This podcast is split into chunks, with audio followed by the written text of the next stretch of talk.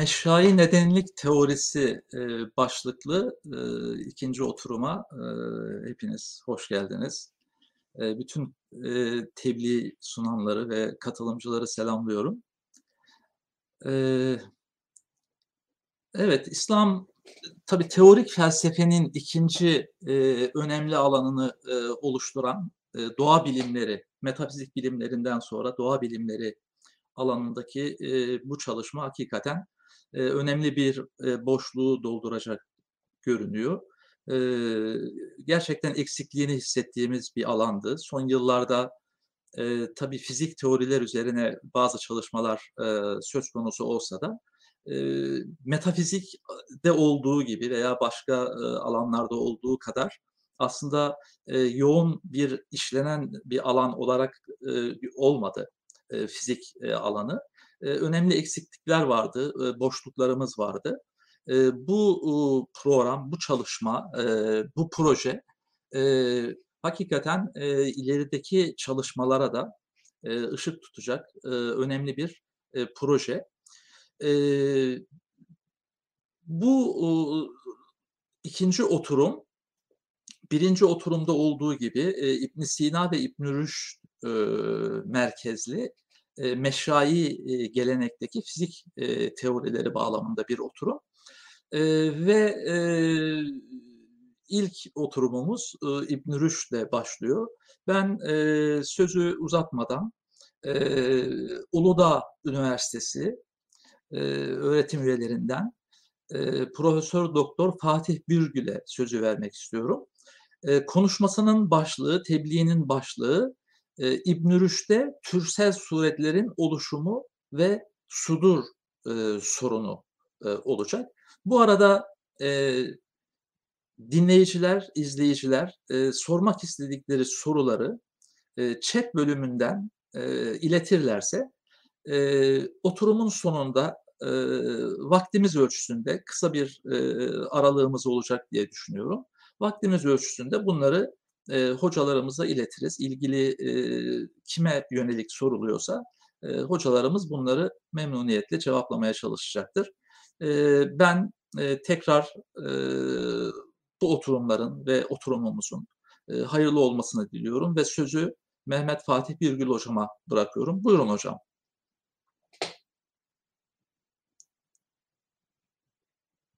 Sevgiyle, hürmetle selamlıyorum. E, ben tabii telefonda konuşma özürlüsü e, bir adam olarak e, böyle özellikle bu online ortamda hani çok bu pandemi sürecinde ders verdik falan ama çok sıkıntılı oluyor. O yüzden hani sözlerim dağınık olursa ve e, konuşmam e, aksarsa yani şimdiden affınızı istirham ediyorum. Dediğim gibi yani çok başarılı değilim bu hususta, takdim hususunda.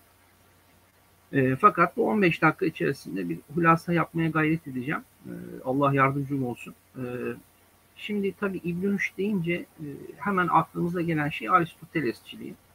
Hakikaten de İbn Rüşd'ün en temel hususiyeti radikal Aristotelesçiliği. Yani ben radikal kelimesini kullanıyorum burada. Tabii e, hiç şüphesiz Aristoteles'ten sonra oluşan 2000 e, e, günümüze kadar hatta gelen bir süreç var. Yani İbn Sina da bunun bir parçası, İbn Rüşd de bunun bir parçası. Yani son halkaları bunlar. Ama İbn Rüşd e, kendisinden önceki e, Aristotelesçilerden, meşayilerden farklı bir yol izlemiş e, ve yani e, o şerh, yorum, tefsir, işte ortaya çıkan problemler, tartışmalar, bütün bu zincirin son halkası olarak e, bunları aşıp Aristoteles'e gitmiş ve e, Aristoteles'ten kalkarak yorumları eleştirmiş, bunları elemeye çalışmış, bunlara karşı bir takım tenkitler geliştirmeye çalışmışlar. Bu özellikle suveren ev'iye dediğimiz, kürsel suretler dediğimiz bunların oluşumu, meydana gelişi filan Aristoteles'in fiziğinin ve aynı zamanda tabii metafiziğinin çok önemli kilit bir kavramı. İbn Rüşd'ün bu hususta da farklı bakış açıları var ve bir takım eleştirileri var. Özellikle de Müslüman e, düşünce tarihi açısından. e, yaptığı bu eleştiriler hem kendisinin hem de diğer e, efendim büyük filozofların, düşünürlerin konumunu belirlemek açısından önemli diye düşünüyorum. Şimdi önce kısaca bu e, türsel suretlerin Aristoteles için ne anlama geldiğini e, daha iyi kavramak için birkaç hususu vurgulamak lazım. Yani Aristoteles'in varoluşun açıklanmasında anahtar kavram olarak kullandığı bu e, suveri nev'iyenin veya formel cevher yani dediğimiz hani bu e, kavramın nasıl teşekkül ettiğine dair onun felsefesini tabi İbn Rüşd de bunlar olduğu gibi alıyor aynen. Bazı temel yargılar var. Bunlardan birincisi şu.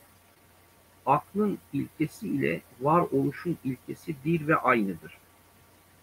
Yani çelişmezlik, özdeşlik, nedensellik. Bunlar hem aklın sınırını belirler, düşüncenin sınırını belirler, hem de var oluşun sınırını belirler.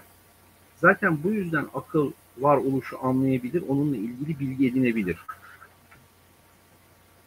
Şimdi düşünce bir fiil olarak e, bir cismi e, sonsuza kadar bölebilir. Bir yönden, en azından bir yönden sonsuza kadar bölebilir. Demek ki bölünemeyen bir cisim yoktur. Aristoteles e, aklın bu e, efendim e, vardı sonuçtan atomların olamayacağını söylüyor. Yani varoluşun temel birimi, varoluşun temel birimi olarak e, atomları kabul edemeyiz. Atomlar olmaz. Ama varoluş bütün değişimleriyle beraber apaçık bir biçimde var. Bundan hiçbir şüphe duyulamaz. Hiçbir biçimde.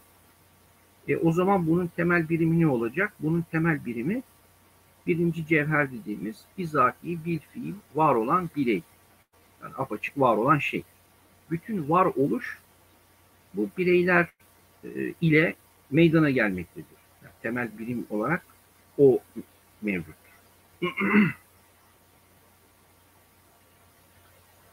Bir de tabii hakiki anlamda var olan bireydir. Tümeller ancak ortaklıklar e, bu var olan bireylerin özleri ya da arazlar arasındaki ortaklık e, olarak vardırlar. Aristoteles'in en temel kabullerinden bir tanesi bu malumunuz. Yani tümellerin kendi başlarına bir varlığı söz konusu değil. Tabi bu Platon'un tam karşıtı. E, madde Aristoteles için bütün bu değişimlerin bir e, efendim ön şartı. Yani onunla olacak bir şey. İsterse ay üstü, isterse ay altı fark etmez.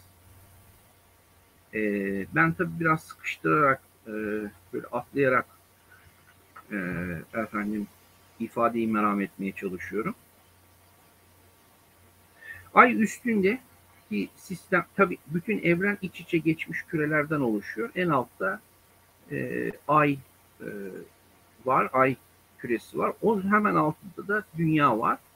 Ay altı dünya dediğimiz şey aslında bugün bizim tabiat adını verdiğimiz şey Aristoteles için. Ve e, asıl hani varoluş yani fizik açısından tabii tartışılacak olan bu ama bu fizik varoluşun metafizik temelleri neler? İşte burada biz e, türsel sureti görüyoruz. Anahtar kavram olarak. E,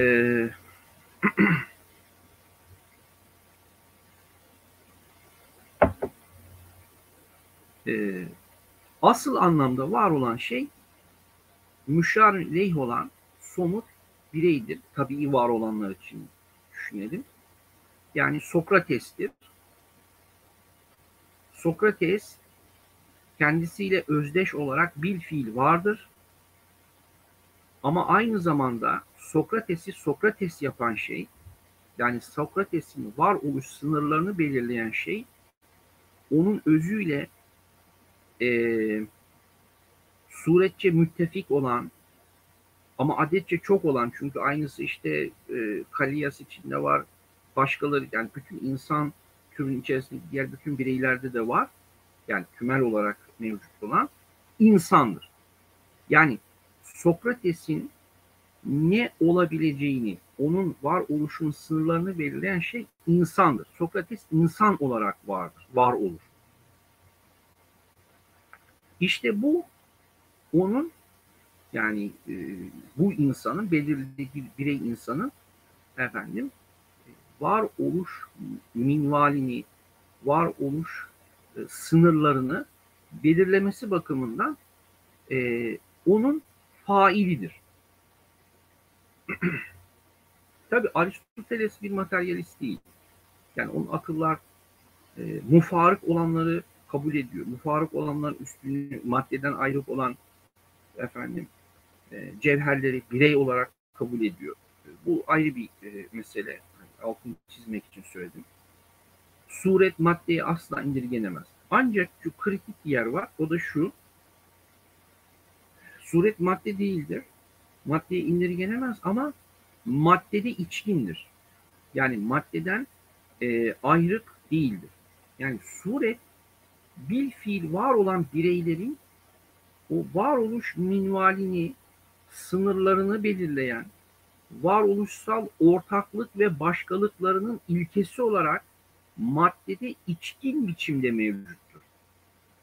Mutlak varlıkla yokluk arasında bizzat var olanların içinde aktığı maddede varoluşun meydana getirdiği o kalıpları, yatakları, girintileri, çıkıntıları belirleyen, böylece varoluşun düzenini sağlayan ilkedir suret. Ee, bu tabii bu içkinlik ve aşkınlık meselesi yani suretin içkin olması ve aşkın olması meselesi Platon'un Aristoteles'in arasındaki en temel ayrımlardan bir tanesi. Şimdi İbn Rüşd bu düşünceyi olduğu gibi alıyor ve bunu e, radikal bir biçimde takip ediyor. E, mesela biz bunu metafizik tefsirinde görüyoruz. E, zaman zaman e, efendim bir takım e, göndermelerle, eleştirilerle, somut eleştirilerle bu bahsi uzun uzadıya ele alıyor, ele aldığını görüyoruz. Ee, bu mesela Zeta'da, Metafizin Zeta kitabında oluşum analizi var. Tabii bu cevher e, meselesi ilişki olarak Aristoteles e, bu da çok önemli bir takım izahatlarda bulunuyor. O arada e, İbn Rüşd bir e, fasıla veriyor, bir e, boşluk veriyor ve orada e, efendim e, bu konuya temas ediyor. Ee, Aristoteles'in Platonculara yani maddeden ayrık olan, mufarık olan, tabi Platon nasıl düşünüyordu? Ee, ideler var, eidos var, e, efendim ve demiurgos var. Yani bu maddeden ayrık olan bu formları maddeye geçiren bir yüce kuvvet var. Tanrı, tanrısal bir kuvvet var. Ve bu formları alıp maddeyi uyguluyor. Böylelikle var olanlar meydana geliyorlar. Yani böyle bir açıklaması var. Aristoteles ise bunu alıp efendim maddenin içine yerleştirerek, bunu içkin hale getirerek e, önemli bir ayrışma meydana getirmiş oluyor. Eee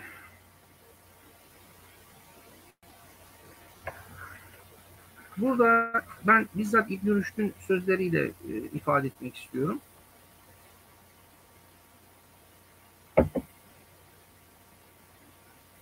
Şimdi Aristoteles bir kendince bir kanıtlama yapıyor ve bize şunu gösteriyor. Maddi olan bir var olanın faili yine ancak maddi olan bir şeydir yani bu sünteton dedi yani maddeyle karışım, madde form karışımı. Fail olan neden? Mutlaka maddi olan bir neden olmalı. Mufarık olanın faili de maddeden soyut olanın faili de mufarık olandır. Böyle bir e, kafasında bir ayrışma var. İbn Rüşd bunu olduğu gibi alıyor e, ve bize şunu söylüyor. Diyor ki her bir varoluş apaçıktır ki maddenin değişimiyle olur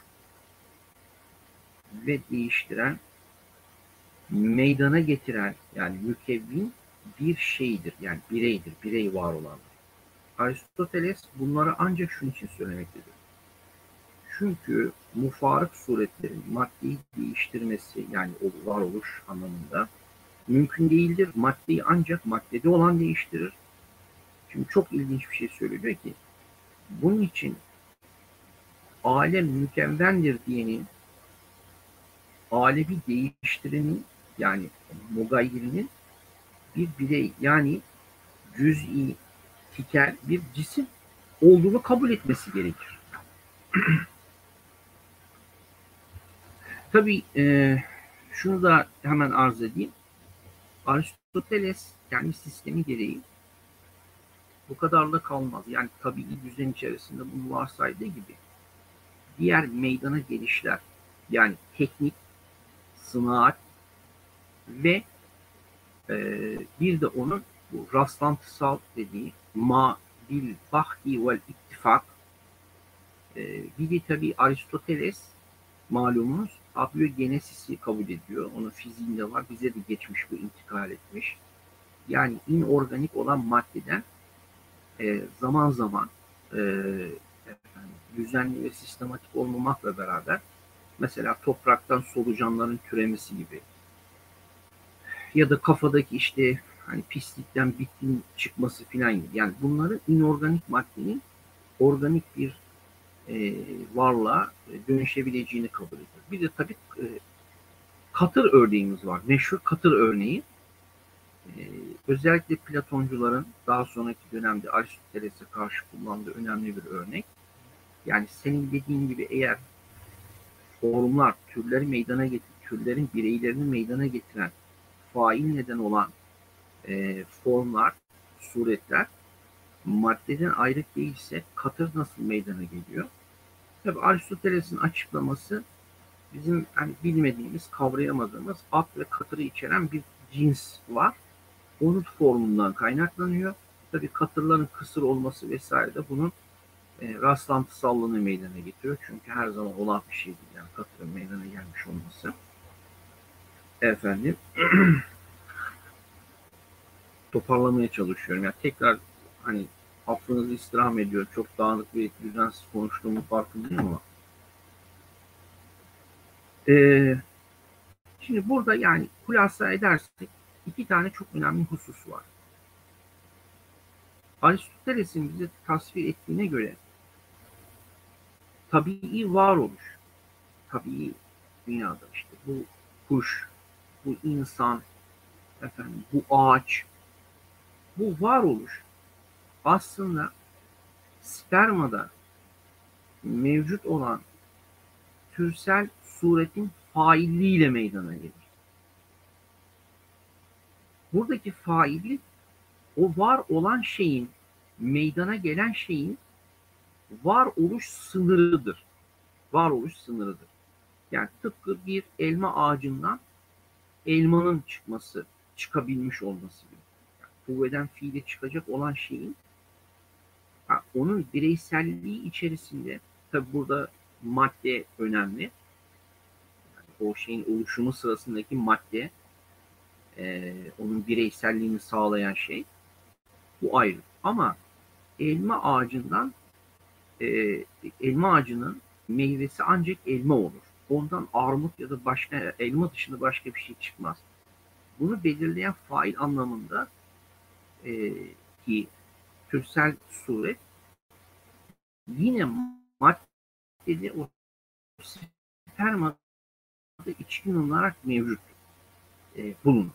Tabii ne suret ne de madde var olmazlar. Çünkü zaten vardırlar. Var olan şeyler madde ve suretin bileşiği olan var olanlar.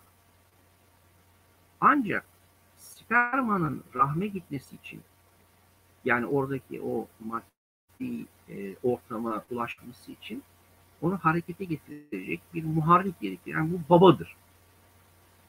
Peki unsurları dört unsurumuz var, dört keyfiyetimiz var. Bunların karışması, ayrışması. Bu ortamı meydana getirecek hareket bütün bir dünyayı etkileyen güneşin hareketidir.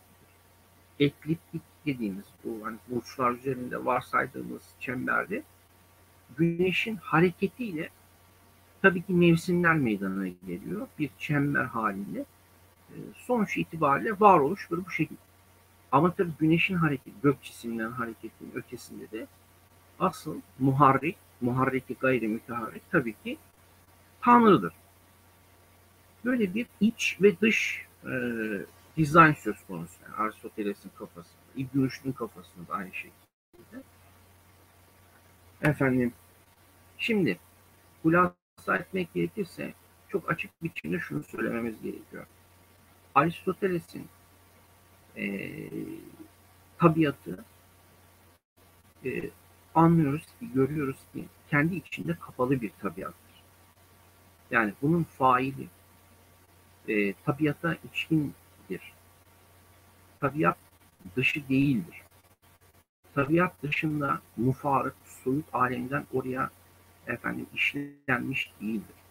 Bunları işte metafizikte okuyoruz. Zaten bunları tartışıyor Aristoteles. Ancak burada önemli olan bir husus var. O da şu. Aristoteles acaba nasıl bakıyor? Yani bu bu sonuca varmasına sebep olan onun zihniyetini. Aristoteles'in konuşması bariz biçimde anlaşılıyor ki bilim dediğimiz düşünme biçimi ile ilişkili. Evet onun evreni kapalı bir evren. Gaye nedeni de kapalı. Yani e, bu da ayrı bir konu ama e, bir yandan da vakti hani toparlamaya çalışıyorum. E, bu böyle e, efendim Aristoteles'in evreni e, yoktan var olmamıştır. Ucu açıktır. Yani başı ve sonu açısından açıktır. Yani şöyle diyebilirim ben. Biraz şairane olacak ama tekrar hani kusuruma bakmayın. Şimdi Aristoteles tabiata baktığı zaman, evrene baktığı zaman şimdi eskiden hani filmler vardı. Böyle tek tek e, fotoğraflar çekilir. Zannediyorum 17-18 tane fotoğraf hızlı bir şekilde çekildiğinde bunlar bir saniyede o 17 fotoğraf geçtiğinde malum biz fotoğrafı algılamayız. Yani onu hareket olarak görürüz. Aristoteles evrene baktığı zaman fotoğrafı görmez. Aristoteles sürekli böyle oynayan yani filmi görür. Filmin kendisini görür. Filmin kendisini görür. Sürekli işleyen, kendi iç kurallarıyla akan, hiyerarşik bir şekilde, hiyerarşik bir şekilde akan bir evren görür. Ve bunu anlamaya çalışır. Bunu e, kavramaya çalışır. Bunu açıklamalar da bunun üzerinden getirir. Tabii bilim dediğimiz şey budur. Bilimsel bilginin üretilmesi böyle olur. Eğer biz tabiatı kapalı kabul etmezsek o zaman e, varoluşu açıklarken yani oradan çıkan açıklama e, yani bilimin yani standartlarına uygun değil. Buradaki sorun şu. Bakınız yani malumunuz mesela etikadaki Aristoteles'le fizikteki Aristoteles, metafizikteki Aristoteles birbirinden tam olarak aynı değil. Ee, biz sadece bilimsel bilgiyle bilmeyiz. Yani insanın bilgisi sadece bilimsel bilgi üzerinden olmaz. Ama bilimsel bilginin meydana gelmesi için bu, yani bir tür bir kapalı evren e, modelin olması gerekir. Evet. Yani son birkaç dakikam kalmış. Korktuğum başıma geldi. E, toparlamaya çalışayım hocam. E, mesela maddenin sakınımı, enerjinin sakınımı. Bunlar hani bilimin ya terazinin kefesine koyduğumuz zaman bunların birbirine denk gelmesi gerekiyor. Dışarıdan harçtan tab tabiat üstünden müdahaleyi Aristoteles e, kabul etmiyor, görmüyor. Bunu İbn Rüşd'ün de aldığını görüyoruz. İbn Rüşd'ün de aldığını görüyoruz. Ve buradan çok ilginç olarak bir takım eleştiriler türettiğini görüyoruz. Özellikle de İbn Sina'ya yöneltiyor bu eleştirilerini. Tabii e, İbn Sina'nın Burhan teorisine de yönelttiği bir takım eleştirileri var. Bunlarla örtüştüğünü görüyoruz. Çünkü Aristoteles'in bu fiziğini üreten, metafiziğini üreten şey aslında onun arkasında yani bir teorisi yani mantığı yani Burhan teorisi daha açık söylersek onun hakikatin bilgisine ilişkin e, bu bilginin nasıl üretileceğine dair o şeyi e, tasavvurları adamın fiziğini ve metafiziğini de şekillendirmiş. Şunu söyleyeyim hocam bir somut bir örnek vermek açısından. Şimdi bu e, Evet Fatih Hocam. E, Fatih Hocam Evet. bölmek istemezdim tabii e, size ama e, Evet. son 3 dakika ifadesi daha 3 dakika önceydi. Yani e, Eyvallah. hocam son olarak şunu söyleyeyim. Evet, mesela son şunu- şunu- Evet. Son cümlemi söyleyeyim. Hocam bence bu konu araştırılması gereken bir konu. Mesela ibn Sina'nın bilimler tasnifine baktığımız zaman tabiat bilimlerini tasnif ediyor. Şimdi o hani usul var, asıllar var. Bunlar Aristoteles için. Ama furu dediği bir şey var tabiat ilimlerinde. Mirencat var, tılsım var. Ee, efendim ee, böyle yani bunları o bilimlerin içerisine, tabiat bilimlerinin içerisine yerleştirmiş olmasının arkasındaki düşünce biçimi ne? Ee, bunun mesela soruşturulması gerekir. Yani ne işi var büyücülüğün e, şeyde tabiat bilimleri içerisinde? İbn Sina buna zorlayan neydi?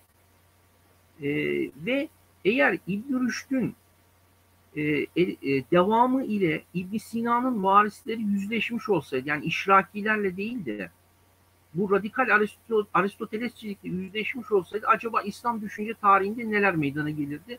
Teşekkür ediyorum hocam. Ee, inşallah yazılı olarak bunları uzun uzadıya e, takdim etmeye çalışacağım. Biz teşekkür ederiz hocam. Ee, ağzınıza sağlık. Ee, şimdi e, ikinci e, konuşmacımız e, İstanbul Medeniyet Üniversitesi'nden e, İbrahim Halil Üçer e, hoca olacak. E, ilginç e, bir başlık ve ilginç bir e, konu olacağı anlaşılıyor. E, faal akıldan taşan nedir? İbn Sina'da türsel çeşitlilik e, sorunu. E, evet ne taşıyormuş bakalım hocam dinleyelim. Evet, Buyurun teş- hocam. Teşekkür ediyorum kıymetli hocam sağ olun. Ee, Hem e, Mehmet Fatih hocama benden önceki sunumu takdim eden hem size teşekkür ediyorum. Mehmet hocanın e, tebliğ sonunda sorduğu sorular da aslında bizim hem bu sempozyumda hem de genel olarak projede cevabını aradığımız sorular. Ee, umuyorum yani nihai kertede bunlara ilişkin bir cevap da elde edebiliriz. Benim tebliğim faal akıldan taşan nedir sorusu üzerine e, oturuyor ve e, ibn Sina fiziğinde, doğa felsefesinde türsel çeşitliliğin nasıl izah edilebileceğini sorunsallaştırıyor. İslam felsefesi talebeleri hem e, işin doğrusu e, epistemoloji söz konusu olduğunda hem doğa bilimleri söz konusu olduğunda faal aklın çok merkezi bir role sahip olduğunu görürler. Hemen ilk öğrendikleri şeylerden biridir bu. Ee, bir diğer adıyla vahibu suver. Ee, suretleri veren ilki olarak kendisini gösterir faal akıl ve o heyulani akıldan başlayıp müstefad akla kadar ilerleyen süreç dahilinde nihai kertede yakin elde etmemizi temin eden akledilir suretleri veren ilki olarak kendisini gösterir. Yani bir özelliği akla, insan aklına tecrit sürecinin sonunda akledilir suretleri vermektir. Diğer bir işlevi ise e, efendim e, aşağıdan yukarıya doğru maddi efendim e, varlıklar e, kendilerine mahsus istidatlarını tamamladığı esnada onlara suretleri vermektir. Bu minvalde faal akıl totalde bir suretler hazin, e, hizanesi, deposu olarak tasavvur edilir. Kolay kolay da biz e, işin doğrusu e, bir filozofun faal akılla ittisal edip ondan suret almasının ne demek olduğunu anlayamayız işin doğrusu. Hem lisans derslerimizde hem okuduğumuz metinlerde bir e, ne diyelim e, yerleşik formülasyon olarak tekrar edilir ama bunun bir vizyon görmek mi, bir mistik birleşme mi, bir itihat mı olduğu pek tasavvur edilemez.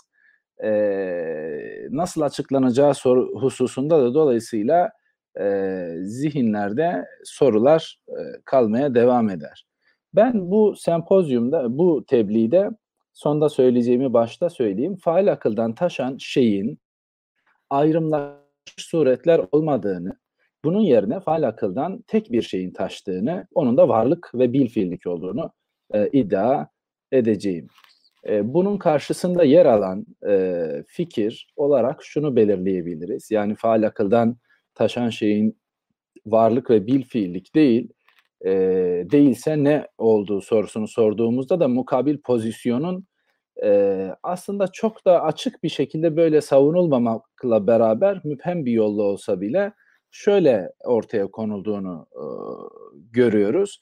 Faal aklın ilminde, vahibu suverde ayrımlaşmış suretler söz konusu. Diyelim atlık gibi, insanlık gibi, aslanlık gibi çeşitli türsel suretler söz konusu. Ee, ve bu suretleri faal akıl paketcikler halinde maddeye ne yapıyor? Aktarıyor, feyz ediyor ve o suretler maddeye gelince o madde insan oluyor, aslan oluyor, tilki oluyor, kaplumbağa oluyor. Fakat burada kritik olan şey şu, kaplumbağalık, insanlık, tilkilik, aslanlık henüz maddede ortaya çıkmadan önce faal aklın ilminde bulunan e, akli suretlere tekabül ediyor.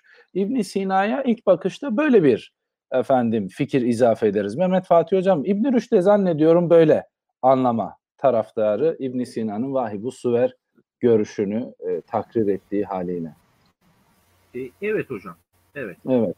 Şimdi işte bu iki yaklaşımı biraz müzakere etmek istiyorum. Bu ikinci yaklaşımın esasen paradigmatik taraftarı kimdir? Yani henüz maddede türsel suretler ortaya çıkmadan önce metafizik bir ilkede onların ayrımlaşmış ve taayyün etmiş mütemeyyiz bir vaziyette bulunduğu fikrini biz kime atfedebiliriz felsefe tarihinde?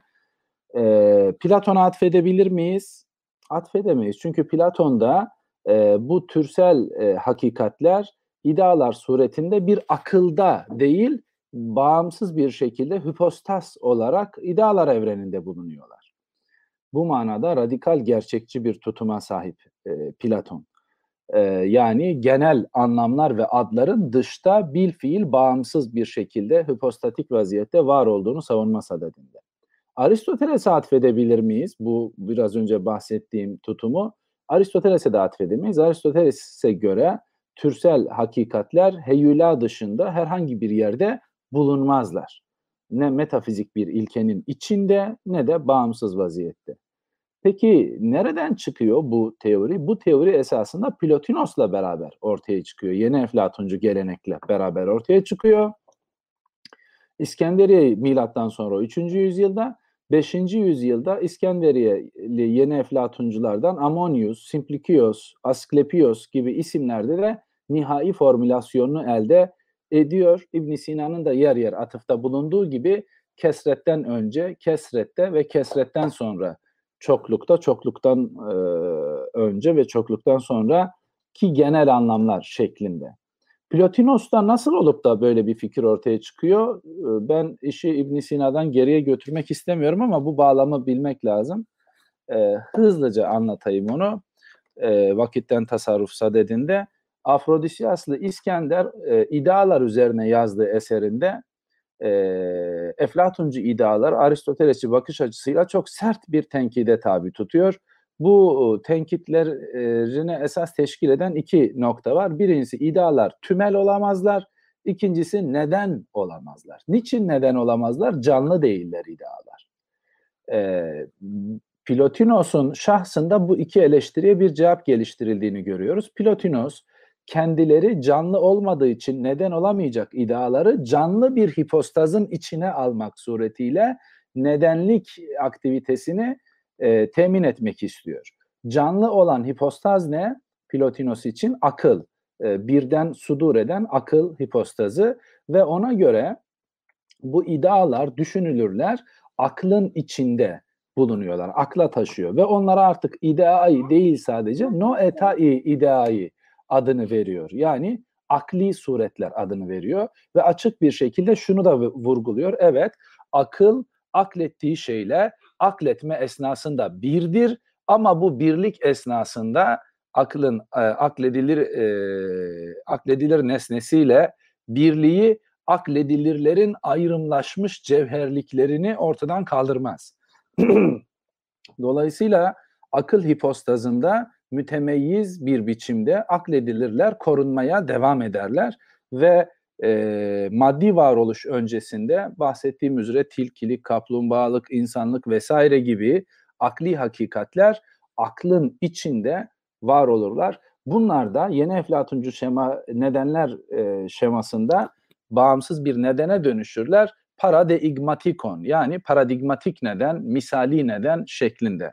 Sonrasında bu fikir iyice rafine hale getirilerek e, Asklepios e, işte Amonyus'un talebelerinde ve Amonyus'ta ortaya çıkar. Onlar bu kez şöyle te- te- tasavvur ederler. Genel anlamlar üç şekilde bulunurlar. Bir, henüz maddede ortaya çıkmadan önce ilahi ilimde, ilahi akılda bulunurlar. Buna çokluktan önceki e, efendim suretler derler. Adı da noetai idai şeklinde görünür. Sonra bu akli akledilir suretler e, e, bu ilahi akıldan feyazan yoluyla maddi aleme taşar. Bu kez maddenin içinde görülürler. Ona, onlara da enula e ide, en hüle yani maddenin içindeki idealar, suretler adı verilir. Sonra insan bunları tecrid eder. Tecrid ettikten sonra bu kez de insan aklında bulunurlar. Onlara da dianoetai ideai yani idrak sayesinde ortaya çıkan mücerret tecrid edilmiş suretler adı verilir. Bu fikir etrafında biz e, artık İslam felsefesine intikal eden yerleşik çerçevenin e, suretlerle faal akıldan feyzan eden şeyle ilgili e, bu İskenderiyeli yorum olduğunu e, görürüz. Fakat İbn Sina e, ya sıra geldiğinde İbn Sina'nın e, ona atfedilen ve esas itibariyle yeni Eflatuncu e, yerleşik yoruma tekabül eden bu pozisyondan farklı bir pozisyon ortaya koyduğunu görüyoruz. E, bunu peki nasıl temellendirebiliriz? Bu pozisyon ne? Önce onu söylüyorum, söyleyelim. Bir İbn Sina zaten e, Eflatuncu ideaları açık bir şekilde reddediyor. Ve işin doğrusu İbn Sina Eflatuncu ideaları reddettiği zaman son belki e, İbn Sina'ya gelinceye değin 500 yıldır ideadan bahsetmek sadece bağımsız idealardan değil, Plotinus ve talebelerinde olduğu gibi ilahi akıldaki suretlerden bahsetmek manasına geliyor. Dolayısıyla İbn Sina hem Eflatuncu ideaları hem de ideaların bu yorumunu reddediyor. Eflatuncu ideaları reddederken argümanları açık, bağımsız olamayacaklarını söylüyor. Bu ideaların varlık kazanamayacaklarını. Yeni Eflatuncu yorumuyla akli, ilahi akıldaki idealardan e, peki açık bir şekilde bahsediyor mu İbn Sina? Onları reddettiğini nereden çıkartacağız? Şuradan çıkartabiliriz. İki konu var. Birincisi e, tümel ve tikel anlamlar arasındaki öncelik sonralık meselesi. İbn Sina bunlar bununla ilgili yorumu söz konusu olduğunda malum kategorilerle kategorilerde uzun uzun tartışılan bir meseledir bu. E, tümel anlamlar tikelleri ne manada öncelerler ya da tikeller tümelleri ne manada öncelerler. Mehmet Fatih Hocam da e, bundan İbn Rüşd Saded'inde bahsetti. Aristoteles'in kategorilerinde tikellerin tümelleri farklı birçok bakımdan öncelediği zikredilir. Şimdi tü, tikeller tümelleri kaç bakımdan e, efendim e, önceler? Varlık bakımından önceler, cevher anlamının tahakkuku bakımından önceler, yetkinlik ve üstünlük bakımından önceler, cevher adını almayı en çok hak edenin onlar olması bakımından önceler.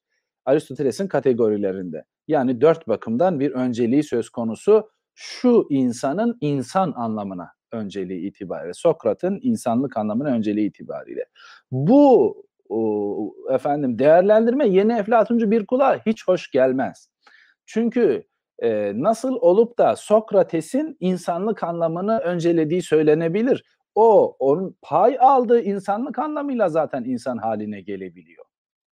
Dolayısıyla bu kategorilere yazdıkları şerhlerde hem Amonius hem Simplicius Yeni Eflatuncu filozoflar bu şemayı tersine çevirir ve kendilerine mahsus yeni bir e, efendim öncelik sonralık tasavvuru inşa ederler. Nasıl bu? Derler ki esasen akli suretler, noetayı, ideayı, e, tikelleri doğa ve varlık bakımından önceler derler. Hem doğa ve varlık bakımından önceler nedenleridir. Bu akli suretler yani biraz önce bahsettiğim ilahi aklın ilmindeki ayrımlaşmış suretler onları bura, onlardan burada pay alan tikelleri varlık ve doğa bakımından öncelerler. Yani ne bakımından? Neden olma bakımından öncelerler. Başka ne bakımdan öncelerler? Tanım bakımından da öncelerler. Çünkü insan tanımını almayı hak eden şey esasen Sokrat değil, Sokrat'ın pay aldığı insanlık anlamıdır. Dolayısıyla bu iki anlamın e, mı öne çıkartırlar. Öncelik sonralık sıra, sıralamasında bunlara da yer verip bu vurguyu e, efendim tüm metinlerinde gösterirler. Peki İbn Sina'ya geldiğimizde bunu şunu söyleyeyim. Yani faal akılda ayrımlaşmış bir ilahi suret kabul ettiğin, ettiğiniz zaman şunu söylemek zorundasınız. Birincil ve ikincil tümeller yani insan ve Sokrates arasında öncelik sonralık tartışması yapıyorsanız insan anlamının faal akıldaki formuna işaret etmeli ve onun Sokrates'i hem varlık ve doğa bakımından hem de tanım bakımından öncelediğini söylemelisiniz. Ak, yani aksi takdirde bu türden bir anlamı kabul etmediğiniz anlaşılır. İbn Sina'ya sıra geldiğinde İbn Sina herhangi bir şekilde kategorilerde e, tikel ve tümel anlamlar arasındaki e, öncelik sonralık meselesini tartışırken Simplicius'ta gördüğümüz haliyle e, akli suretlere, noetai ideaiye böyle bir e, efendim ne e, izafe etmiyor? Öncelik formu izafe etmiyor. Bunlara hiç değinmiyor. E, bu da gösteriyor ki İbn Sina e, farkında olduğu hal, halde çünkü biz bu metinlerin Arapça tercüme edildiğini başka yerlerde İbn Sina'nın bunları kullandığını biliyoruz. Bu öncelik kategorisini dışlıyor. Varlık ve doğa bakımından önceliği kime atfediyor İbn Sina? Doğrudan doğruya faal aklın kendisine atfediyor. Neden olması bakımından. Faal aklın içindeki suretlere değil, herhangi bir şekilde akli suretler, misali suretler, ilahi suretler gibi bir ifade kullanmıyor burada bu karşılaştırma yani konunun tartışılacağı yer birinci yer kategoriler kitabıdır. Öncelik sonra. Biz faal aklındaki ilmi suretler e, meselesinin e, konuya dahil olduğu e, yeri yer neresi diye sorduğumuzda son 300 yıl boyunca İbn Sina'ya gelinceye değin hep kategoriler şerhlerinde bunun e, ortaya çıktığını görüyoruz ve nasıl ortaya çıktığını da görüyoruz. İbn Sina'nın kategorilerine baktığımızda takip etmek e, itibariyle İbn Sina'nın bu tartışmaya e, efendim yer vermediğini, bu tartı daha doğrusu bu tartışmayı e, akli suretleri dışlayacak bir şekilde yaptığını. İkinci, ikinci meselesi e, faal akıl aşağıya doğru neyi veriyor sorusudur. İbn Sina da bu, bu problemi bu kez Eşifa el İlahiyatta efendim müzakere e, edecek ve burada şunu söyleyecek. Diyecek ki esasen Faal akıl birdir, heyula da birdir. İki, birin e, bir araya gelmesiyle çokluk ortaya çıkmaz. Açıkça kendi ifadesini aktarıyorum. E, şu şekilde, biliyorsun ki her birisi de bir olması bakımından, yani faal akıl da birdir, heyula da birdir.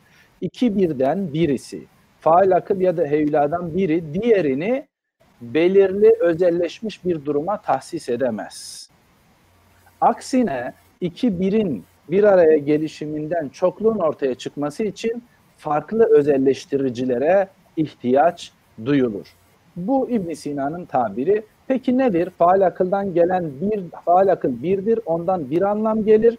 Heyula da birdir. O gelen bir anlamı çoğaltamaz. Peki o bir anlam nasıl çoğalacak diye sorulduğunda taaddüdü süveri veya tekeffürü suveri bihasebil tekeffüril kavabil diyecek.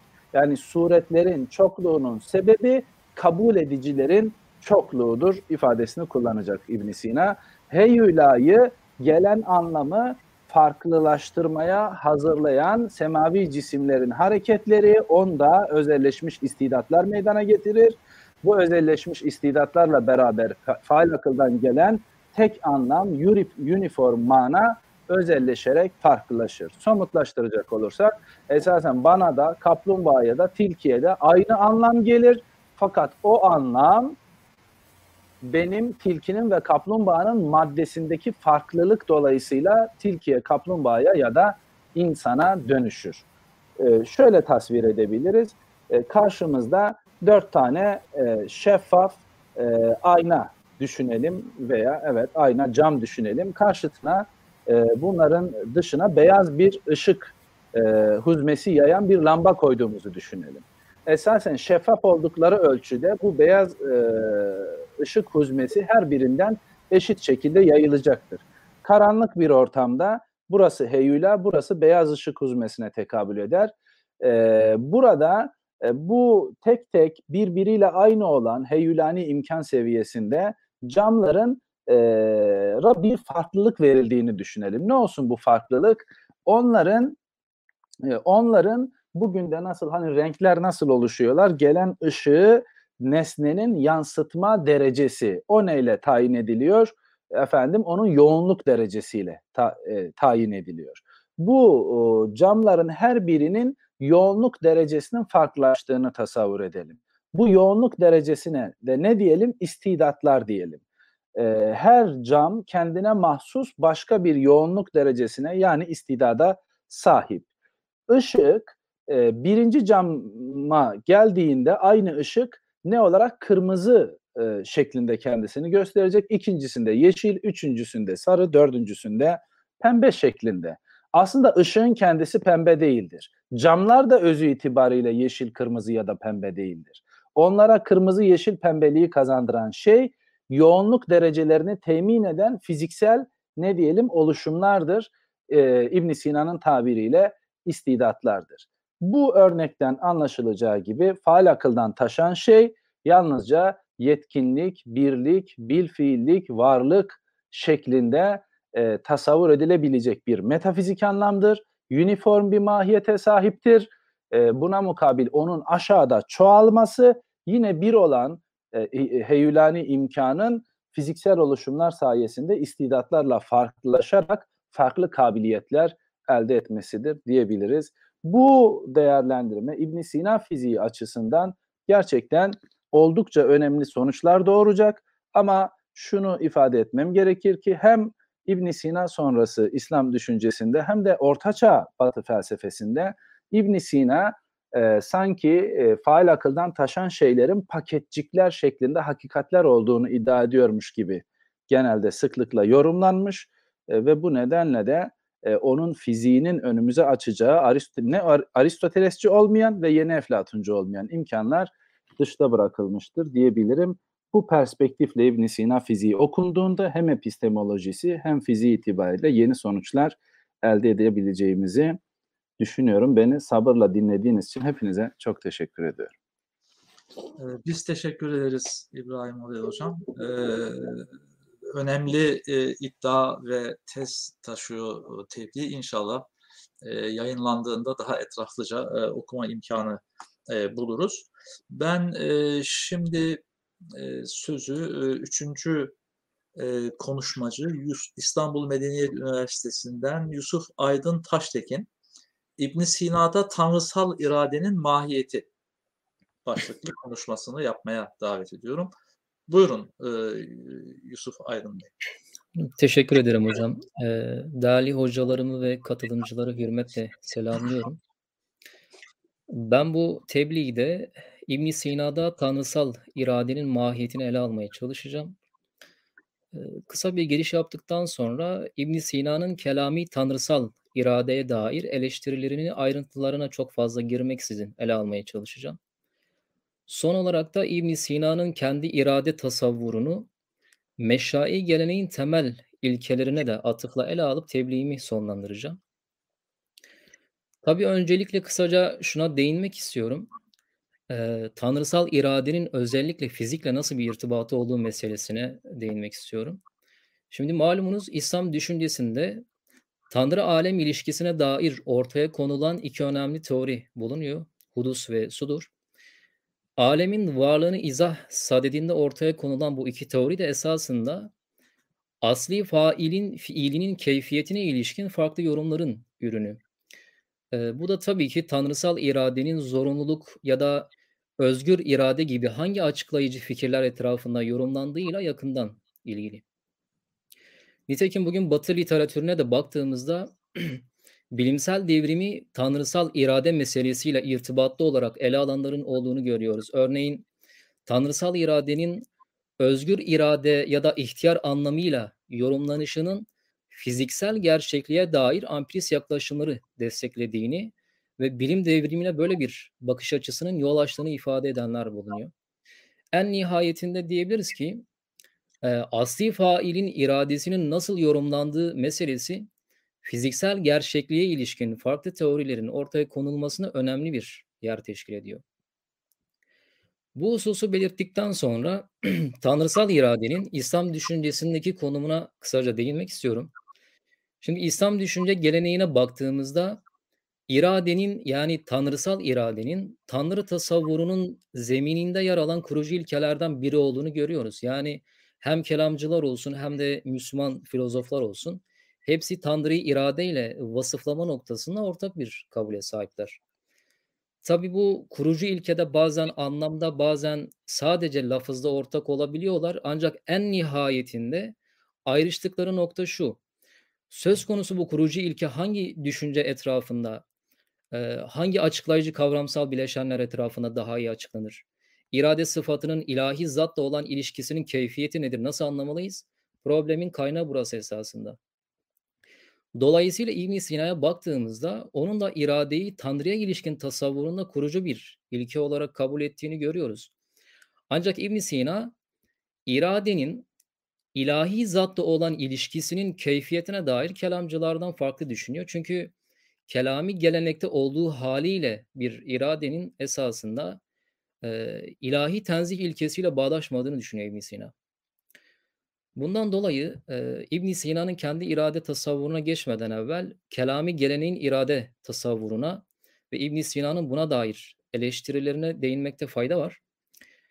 Şimdi bu bağlamda kelam geleneğinin e, tanrısal iradeyi nasıl anladığına genel olarak baktığımızda onların e, irade sıfatını tercih ve tahsis özelliklerine sahip ayrı bir sıfat olarak konumlandırdıklarını görüyoruz. Yani diyorlar ki kelamcılar ortaya çıkan her fiilin mutlaka bir müreccihi yani tercih edeninin olması gerekir.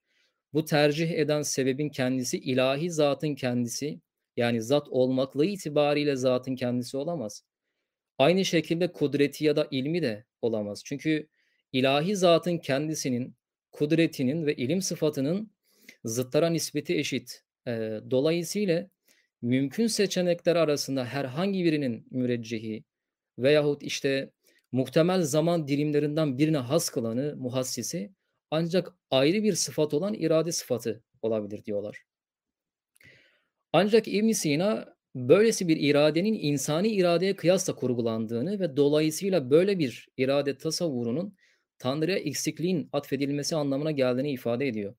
Çünkü ibn Sina'ya göre sonradan olan her şey gibi sonradan taalluk eden ortaya çıkan bir iradenin de mutlaka bir ilkesi, bir amacı, garazı olmalı. Yani Tanrı neden A'yı değil de B'yi irade etti ya da neden T1 zamanında değil de T2 zamanında taalluk ettiği gibi sorular böylesi bir iradenin mutlaka bir garaza yani bir amaca binaen olduğunu gösterir. Amacın kendisi de e, zatı gereği eksik olanın yetkinleşmeye dönük arzusunun eseri olduğundan ancak zatı itibariyle eksik olan varlıklar için bir amaçtan bahsedilebilir ibn Sina açısından. Dolayısıyla ibn Sina'ya göre kelami gelenekteki gibi bir irade anlamını Tanrı'ya atfetmek doğru olmaz. Bu hususu belirttikten sonra e, ibn Sina'nın tanrısal iradeden ne anladığına bakmak lazım. Ancak öncesinde meşai geleneğin tanrı tasavvuruna kısaca bir göz atmamız gerekiyor bu bağlamda. Çünkü ibn Sina kendi tanrı tasavvurunda iradeyi kurucu ilkelerden biri olarak kabul etse de en nihayetinde bu ilkeyi Meşai geleneğin temel ilkeleriyle bir şekilde açıklamaya çalışıyor. Bundan dolayı Meşai geleneğin tanrı tasavvuruna kısaca bir bakmamız lazım bu bağlamda. Şimdi Meşai geleneğe baktığımızda onların tanrı hakkında kullandıkları en temel iki ilke bulunuyor. Bunlardan birincisi birlik, tanrının bir olması. İkincisi ise tamlık, yetkinlik. Eee, meşai gelenek, eee, tanrısal birliği, basitlik, ilahi tamlığı da kendine yeterlilik gibi açıklayıcı kavramsal örgülerle ele almaya çalışıyor.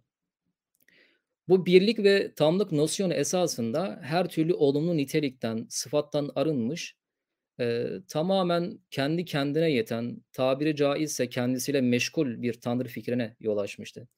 Örneğin Aristoteles'e göre tam ve yetkinlik hali mutlak sükûnet halidir. Çünkü hareket, arzu ya da bir şeye bir şey yapmaya yönelme bilkuvvelikten ve yoksunluktan kaynaklanır. Yani ona göre hareket dediğimiz şey esasında bir şeyin mükemmelliğini, yetkinliğini vesaire bulacağı nihai durumuna ilişkin bir arzunun eseridir. E, Tanrı içinde bir aktüelleşme, yetkinleşme arzusu vesaire olmadığından Tanrı mutlak sükûnet halindedir diyor Aristoteles. Bu tamlık nosyonunun yanında bir de Tanrı'nın mutlak bir olması da bütün olumlu sıfatlardan arınmış bir Tanrı anlamına gelmekteydi Aristoteles için. Çünkü bunu basitlik ilkesi kavramıyla bir şekilde ele alıp açıklamaya çalışıyordu kendisi. Sonuç olarak diyebiliriz ki Aristoteles'in Tanrısı eee, faillik anlamının dışlandığı yalnızca nihai teros olarak arzu duyulan bir tanrı olarak karşımıza çıkıyor. Şimdi bu bağlamda İbn Sina baktığımızda ise onun da meşai gelenekte olduğu haliyle birlik ve tamlık ilkelerini koruduğunu görüyoruz. Meşai gelenekte olduğu haliyle diyorum çünkü kelamcılar da sonuçta Tanrı'nın mutlak bir ve mutlak kemal sahibi olduğunu kabul ediyorlar.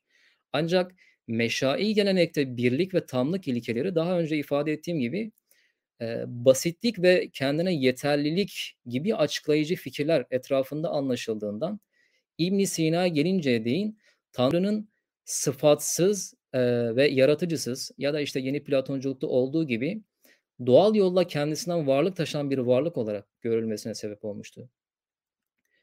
İbn Sina'ya baktığımızda ise, eee, o sahip olduğu dinin kurucu ilkelerini muhafaza etmeye çalışmakla birlikte Eee, Meşai geleneğin saydığımız temel ilkelerini de hesaba katmak durumundaydı.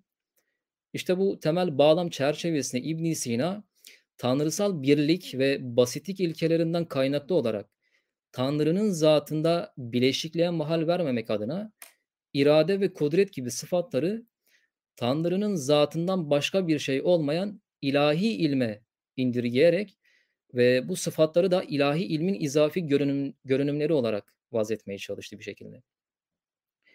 E, ilahi tamlık veya ilahi yetkinlik gereği de ilahi fiillerden amaca kapı aralayacak bütün hususiyetleri çıkarmaya çalıştı.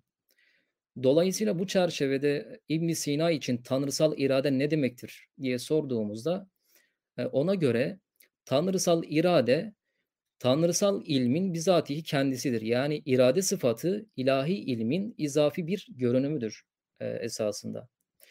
Çünkü ibn Sina'ya göre zorunlu varlığın iradesinin onun ilmi kabul edi- edilmediği takdirde o zaman Tanrı'nın sıfatlarında bir çokluk meydana gelir ve bu da Tanrı'nın zatına bir bileşikliğe mahal verir. Ee, talikat da bunu aynen şöyle ifade ediyor. Alıntı yapıyorum. Şayet zorunlu varlığın kudretinin, onun iradesinin ve bilgisinin bizatihi kendisi olduğu hesap edilmezse, onun sıfatlarında çokluk ortaya çıkardı. Bu durum karşısında zorunlu varlığın iradesini onun bilgisine irca etmek gerekir. Alıntıyı burada bitiriyorum. Devamında da kudretini de aynı şekilde ilahi ilme irca edilmesi gerektiğini ifade ediyor ibn Sina. Hakikatte birbirinden farklı sıfatların varlığı Tanrı'nın basitliğini zedeler ve onun zatına bir bileşikliğe kapı aralar. Peki ilahi ilmin kendisi nedir? Nasıl bir mahiyete sahiptir diye baktığımızda ibn Sina için ilahi ilim Tanrı'nın zatından başka bir şey değildir. İlahi ilimde ise yani Tanrı'nın ilminde olabilecek en mükemmel nizama ilişkin bir bilgi bulunuyor. Çünkü Tanrı el hayrul mahsır, salt iyidir. O zatını akleden, bilen olduğundan zatının lazımlarından olan eşyanın tamamına ilişkin külli bir bilgiye sahip. E, bu ezeli akletme faaliyetinden, faaliyetinden sonra da bütün bir varlık en mükemmel nizam ve tertip üzere ezeli ilimden zorunlu olarak ezelde sudur eder ibn Sina için. Bu da tabii ki dikey seviyede zorunlu bir nedenselliğe kaparalar. Çünkü ibn Sina'ya göre ilahi il, e, ilahi ilmin kendisi bir güçtür, bir kudrettir. Bunun talikatı aynen ilahi ilmin kudretin bizatihi kendisi olduğunu ifade ediyor ibn Sina. Dolayısıyla şeylerin varlığa gelmesi için Tanrı'nın bilmesi yeterlidir. Yani ekstra kudret gibi, irade gibi başka bir sıfata ihtiyaç duyulmaz. Çünkü ibn Sina'ya göre ilahi irade hakkın şeylerin varlık düzeninin nasıl olması gerektiğini ve e, o varlık düzeninin varlığının iyi olduğunu bilmesinden başka bir şey değil.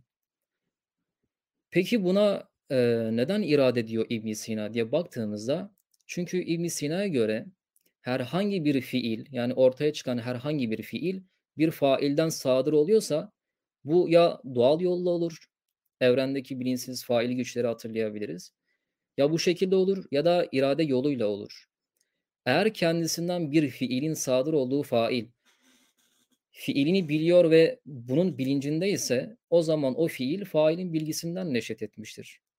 Bilgiyle sadır olan her fiilde ibn Sina'ya göre ancak iradeyle bir şekilde gerçekleşmiş olur. Burada rıza kavramını da kullanıyor ibn Sina. Yani her şeyin e, Tanrı'nın bilgisinden sadır olması demek, onun aynı zamanda bundan razı olduğunu da gösterir. Dolayısıyla e, kelami gelenekteki irade kavramı tahsis ve tercih gibi kavramsal dizgeler etrafında açıklanırken ibn Sina'da bunun e, bir şekilde rızayla açıklandığını görüyoruz. E, sonuç olarak e, diyebilirim ki e, ibn Sina kelami gelenekteki haliyle bir iradenin e, Tanrı'ya nispetinin onun yani Tanrı'nın mutlak basitlik ve yetkinliğini zedeleyeceğini düşündüğünden reddetmiştir. E, çünkü gaibin şahide kıyası yöntemiyle e, Tanrı'nın iradesine ilişkin hükmün referans noktası olarak eğer insani irade alınırsa o zaman insani iradeye zemin teşkil eden muhtaçlık anlamı da Tanrı'ya taşınmış olur. E bundan dolayı böyle bir iradenin e, Tanrı'ya nispetinin doğru olmadığını düşünüyor ibn Sina. Böylece e, ibn Sina e, meşai geleneğin belirttiğimiz o ilkelerini de bir şekilde koruyarak ilahi kastı yani Tanrı'nın iradesindeki kastı dışlayarak ve rıza anlamını da bir şekilde içerecek şekilde e, iradeyi Tanrı'nın zatından başka bir şey olmayan ilahi ilme e, irca ederek e, tanrısal ilmin esasında varlığın en mükemmel nizamına ilişkin ilahi ilmin kendisi olduğunu ifade ediyor ve esasında tanrısal irade dediğimiz şey ilahi ilmin izafi bir görünümü olarak e, kendisini gösteriyor ibn Sina için. E, sabırla dinlediğiniz için teşekkürlerimi sunuyorum hocam.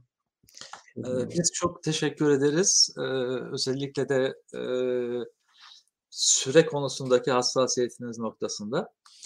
Şimdi son konuşmacımıza geçelim hemen. İstanbul Üniversitesi'nden Kübra Bilgin Tiryaki bize İbn Sina fiziğinde bireyleşim problemini anlatacak, sunacak. Buyurun Kübra Hanım. Hocam çok teşekkür ediyorum. Herkese saygıyla selamlıyorum ben de. Danışmanımla aynı oturumda olmak da benim için güzel bir tevafuk oldu doğrusu. Şimdi ben öncelikle İbn Sina'da neden bireyleşim problemini ele alıyorum ondan bahsedeceğim. E, çokluk ve e, birlik arasındaki e, ilişkide çokluğun içindeki bireylerin, fertlerin e, kendi işbirliklerini hangi ilke, e, kendi işbirlikleri e, hangi ilkeye göre belirleniyor ve bunlar birbirlerinden nasıl ayrışıyorlar? Sorularına cevap vermek için e, bu durumda iki tane unsur ortaya çıkıyor. E, bunlardan birisi e, bireyin kendiliği, yani A nesnesinin neden A nesnesi olduğu. İkincisi de bireyin e, kendi dışındaki diğerlerinden ayırt edilebilirliği e, meselesi. E, bu sorular ise e, ontolojik düzlemin soruları ve algı ve bilgi açısından ayırt edilebilirlikten ayrı olarak ele alınması gereken meseleler. Bu bağlamda bu iki unsur çerçevesinde İbn Sina'da bireyleşim açıklamasının nerelerde bulunabileceğini ve bu açıklamanın nasıl bir yaklaşımla ortaya konulduğunu ben ele alacağım.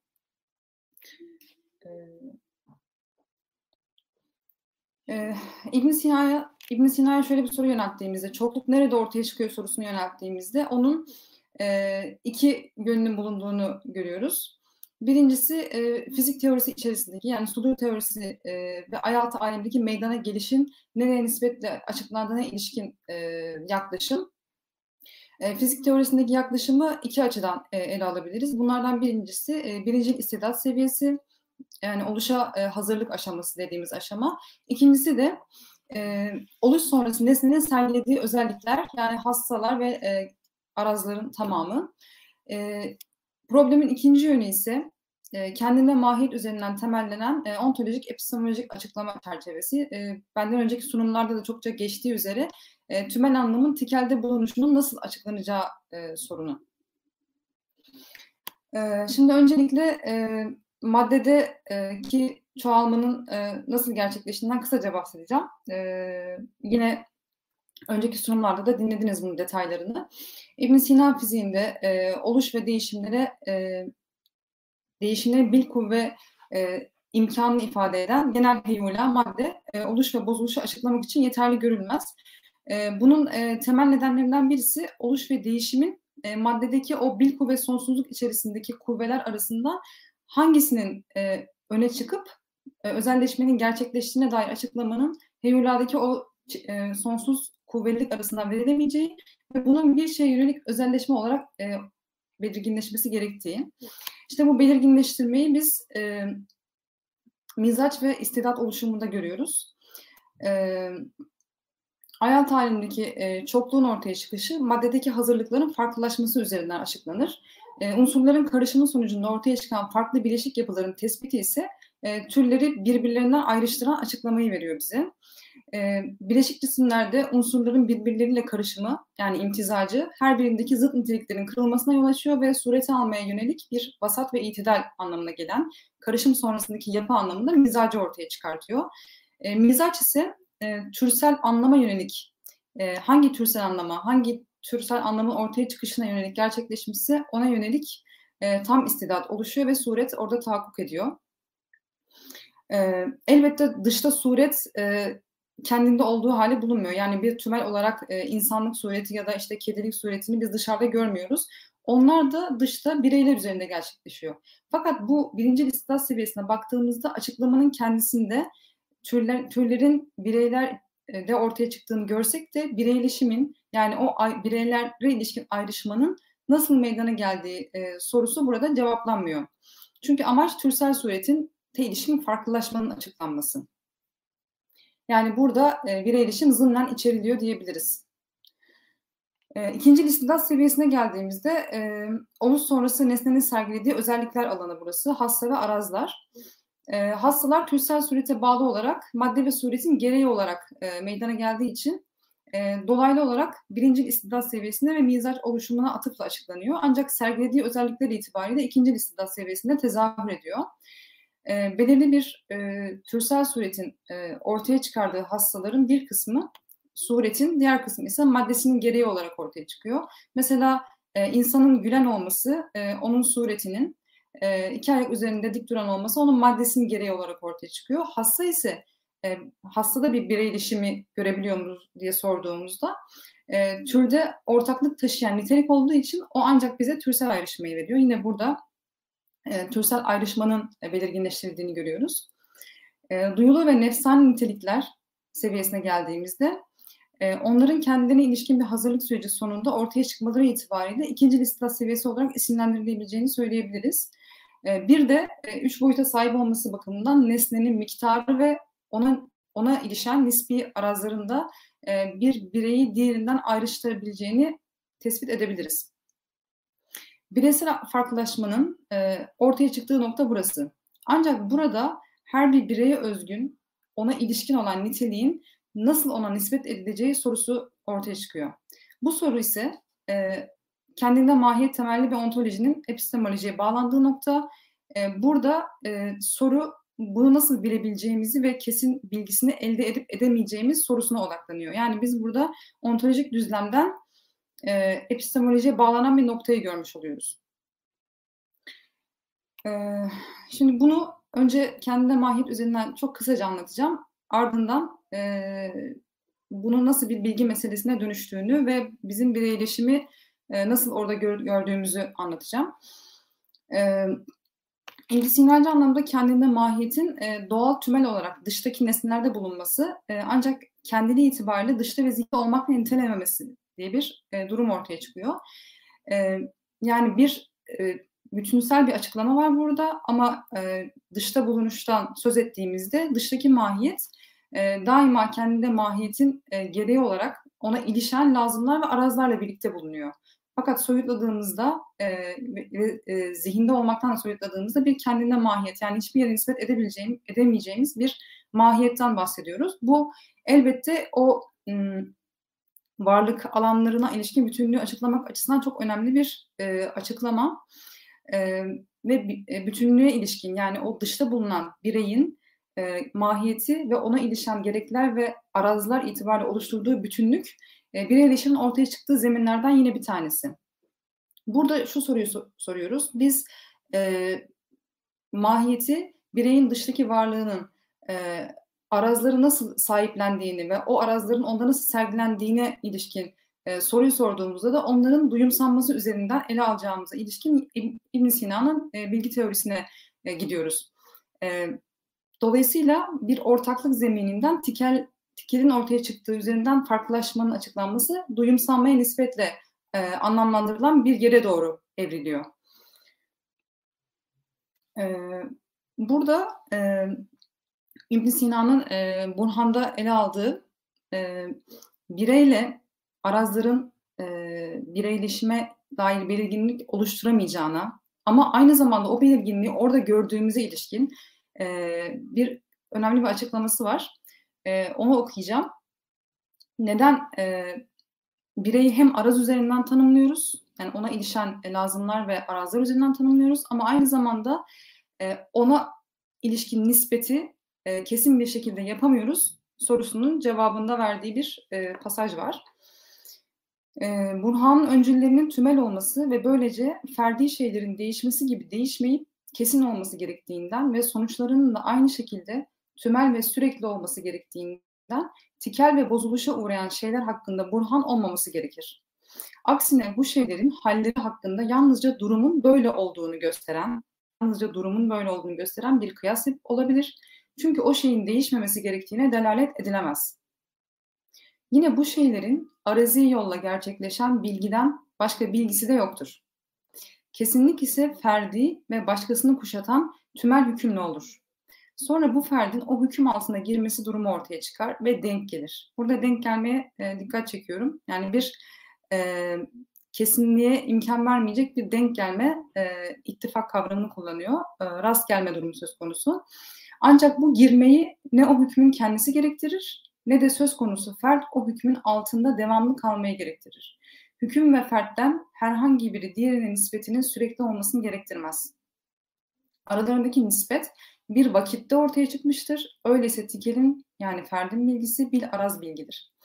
Gördüğümüz gibi aslında biz teki, tikeli bireyi nerede görüyoruz sorusunu sorduğumuzda dışta diyoruz. Peki dışta onu nasıl ayrımlaştırıyoruz ve diğerlerinden farklılaştırıyoruz sorusunu sorduğumuzda arazlara gidiyoruz. Ama arazlara gittiğimizde de e, bunların bir e, bireye nispetine dair e, oluş bozuluştaki o e, kesinsizlik, denk gelme ve bir vakitte olma durumu üzerinden onun kesinliğine hiçbir zaman ulaşamayacağımıza ilişkin yaklaşımını görüyoruz. Yani bir e, bilgi teorisinde ulaşılamazlık üzerinden aslında bireyin bilgisine e, neden erişemediğimiz sorusunun cevabını görüyoruz burada. E, peki bu ayrışmayı biz neden gerçekleştiremiyoruz? Ya da bu ayrışmayı e, bir nispetle yapıyoruz ve o, nispet, o nispeti neden bilemiyoruz? Sorusunun cevabında İbn Sina bir cevap veriyor. E, bu cevap da işaret edilebilirlik üzerinden e, okunabilir. E, bireyin ancak işaret etme üzerinden tanınabileceğini söylüyor İbn Sina yine e, Methal'de. Burada da şöyle diyor. E, fertler oluşum, öncelik, sonralık bakımından sonsuzdurlar ve fakat sınırlı bir zaman dilimine hasredilen fertler zorunlu olarak sonludur. Yani dışta tahakkuk etmiş fertler belli bir zaman dilimi aralığında bir sonluluk ve belirlenim gösteriyorlar. Ferdin fert olması ancak türün gereği olan ve olmayan arazi özelliklerin türün doğasına bitişmesi ve e, türün doğasının işaret edilir bir maddesinin belirginleşmesiyle olur. Sen Zeyd uzun, katip, denizci, şöyle şöyle deyip de kaç nitelik sayarsan say aklında Zeyd'in fertliği belirginliği kazanmaz. Aksine bu niteliklerin hepsinin toplamından oluşan anlam birden çok farklı bulunabilir. Burası da yine bir sonraki pasajda açacağımız nokta. Yani hangi arazları işte bu nispetsizliğin aynı zamanda ortaya çıkardığı sonuç şu. Biz bu nispetleri başka başka farklar üzerinde görebiliriz. Böyle bir ortaklık durumu her zaman mümkün. Dolayısıyla onu e, kesin bir şekilde bireye nispet edemememiz aynı zamanda bu birden çok fertte bulunması üzerinden e, ispatlanmış oluyor. Ferde ancak varlık ve de somut bir anlama işaret belirginleştirebilir. Bu işaret de e, önemli. E, çünkü e, aslında duyu algısının e, duyu algısını önceleyen bir şey, işaret edilebilme imkanı. Yani evet duyumsayarak tanıyoruz ve onun kesin bilgisine ulaşamıyoruz. Fakat işaret etmenin kendisi e, o duyuya indirgenebilecek bir şey değil. Onun daha e, öncelenmesi gereken bir e, durumu var. E, tikelliğin tanımının yapılmaması üzerinden bir eğilim işaret edilebilir ve adlandırılabilir olmak. İbn Sina bu işaret edilebilirlikten ne kastediyor? Yani biz kesin bilgisini bilemiyoruz ancak arazlar üzerinden duysal olarak tecrübe ediyoruz. Fakat bu e, işaret edilebilirliği e, ortaklaşma üzerinden e, nasıl anlayacağız? Sorusunun cevabını da e, metafizikte veriyor. E, ibn Sina arazların türün bireylerinde ortak olabilme ihtimaline binaen ona eklenen hiçbir arazın onun o olarak bilinmesine ve tanımının yapılmasına imkan vermeyeceğini söylüyor. Ancak ferdin e, duysal olarak görülüp işaret edilebilmesi de mümkün oluyor. Müfredin tanımında zikredilen her isim bir sıfatı gösterir. Sıfat ise çeşitli şeylere söylenmesi muhtemeldir. Telif, sıfatın bu ihtimali durumunu ortadan kaldırmaz. Yani biz e, sıfatları e, farklı bileşik sıfatlara dönüştürdüğümüzde onun e, bilinebilirliğini ve e, birleşimini tespit etmiş olmayız. Çünkü A tümel bir anlam olduğunda ve A tümel bir anlam olan B ona nispet edildiğinde A'da bir özelleşme olabilir. Ancak bir tümel bir tümelle özelleştiğinde A ve B olan şey bundan sonra da kendisinde ortaklığın mümkün olduğu bir tümel olarak kalmaya devam eder. Bunun örneği bu Sokrat'tır sözüdür sen Sokrat'ı tanımlayarak o filozoftur dersen onda ortaklık vardır. Ee, o dindar filozoftur dersen onda yine ortaklık vardır. Haksız yere katledilmiş dindar filozoftur dersen yine ortaklık vardır. Yani hangi sıfatları ona nispet edersek, hangi e, durumları ona nispet edersek edelim, bunda ortaklığın çıkma ihtimali var ve bunu biz neden bu Sokrat'tır dediğimizde ona nispet ettiğimizin cevabını kesin olarak veremeyeceğiz. Dolayısıyla vasfın isnat edildiği türün fertlerinden bir fert ise onu görmekten başka yolu yoktur ve, ve akıl onu ancak duyuyla bilebilir. Dolayısıyla müfredin gerçek bir tanımı yoktur. Ancak bir lakap veya işaretle veya bir lakap ya da işaretle tanımlanan nispetle bilinir. Ee, şimdi buradan nasıl bir sonuca ulaştık? Ee, İbn Sina'da e, bireyleşim e, dıştaki nesnenin sahip olduğu arazların tespiti üzerinden ele alınır. Ancak arazların nesne, nesneye nispetinin süreksizliği ona ilişkin bir bireysel belirlenime ulaşmaya imkan vermez. Ancak onun tanınması e, duysal algılama yoluyla e, algılanması ve müteahhile gücünde bir resminin ve tarifinin oluşturulması üzerinden açıklanır. Yani e, bu epistemolojik e, yaklaşım bize aslında onun ontolojisine dair e, kesin bir tanımlama yapmamıza da imkan vermez.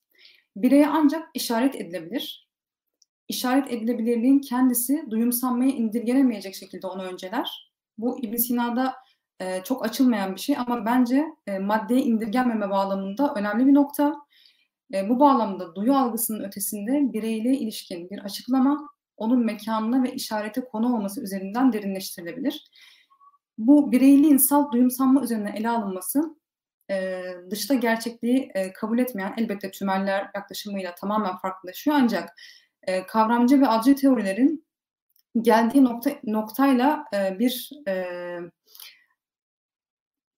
birleşme demeyelim de yani onların düştüğü e, sorunlu duruma düşme ihtimalini ortaya çıkartabilir. Çünkü biz bireyi hiçbir zaman e, kendiliği itibariyle tanımlama e, durumuna sahip değiliz. Arazları dahi ona nispet etme durumuna sahip değiliz.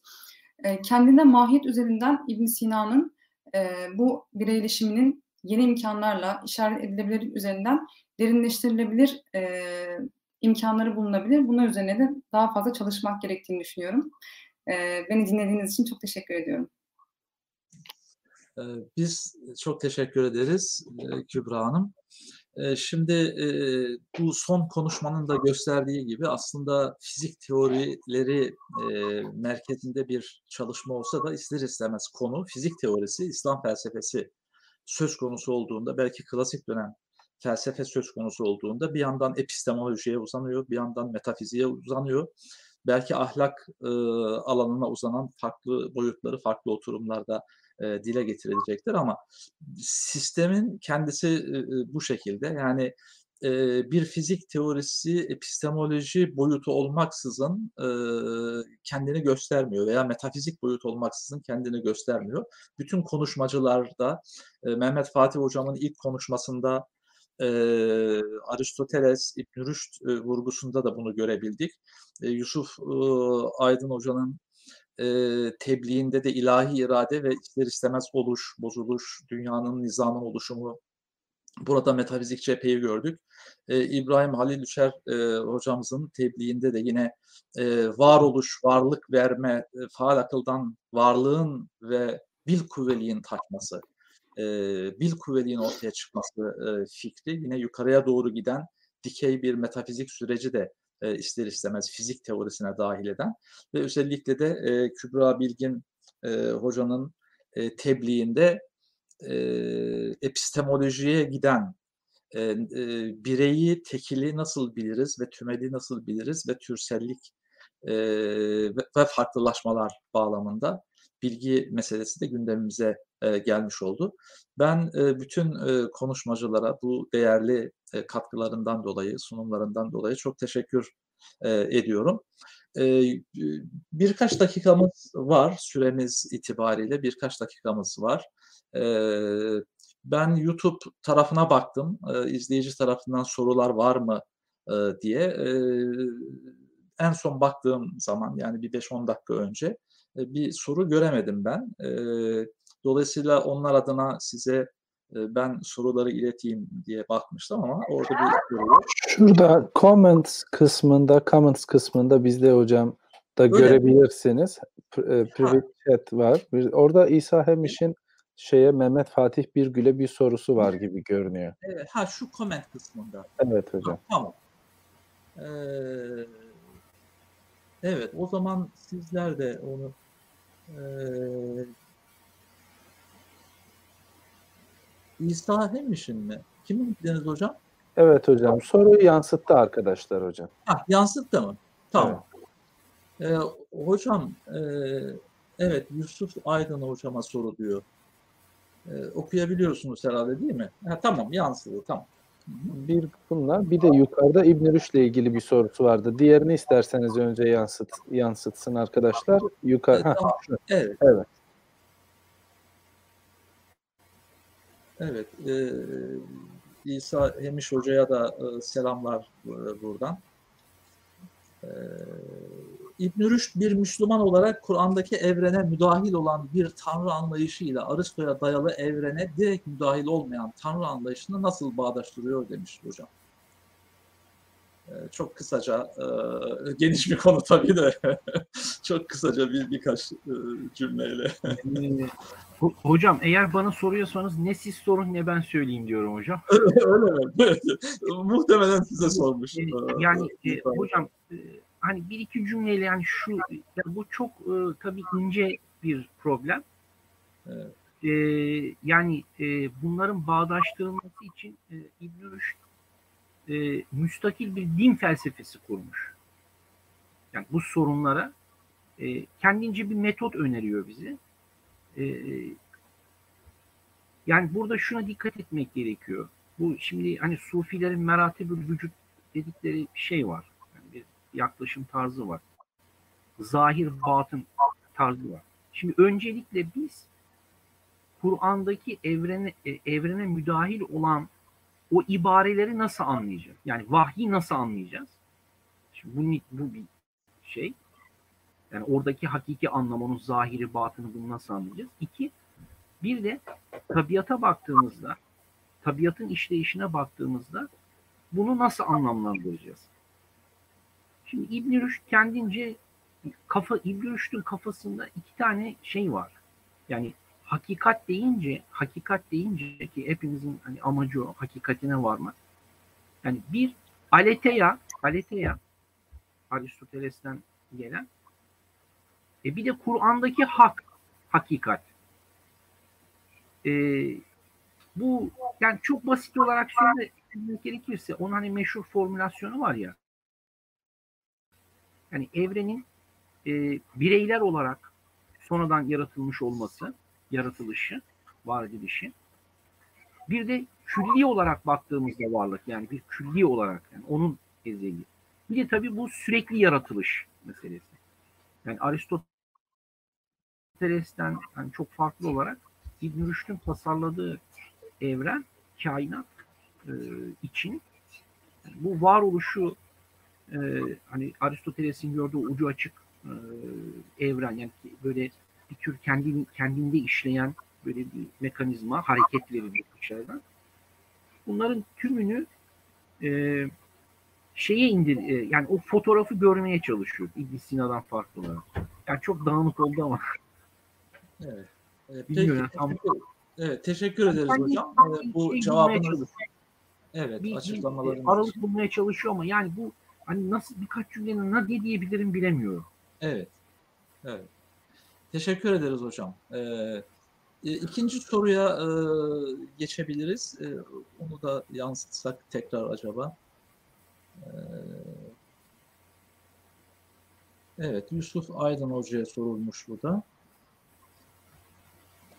Ee, Gazali sudur teorisini kabul eden İbn Sina ve Farabi için Allah'ın iradesini kabul etmelerini çelişik bir durum olarak ifade eder. Sizce gerçekten sudur anlayışı ile irade beraber olabilir mi?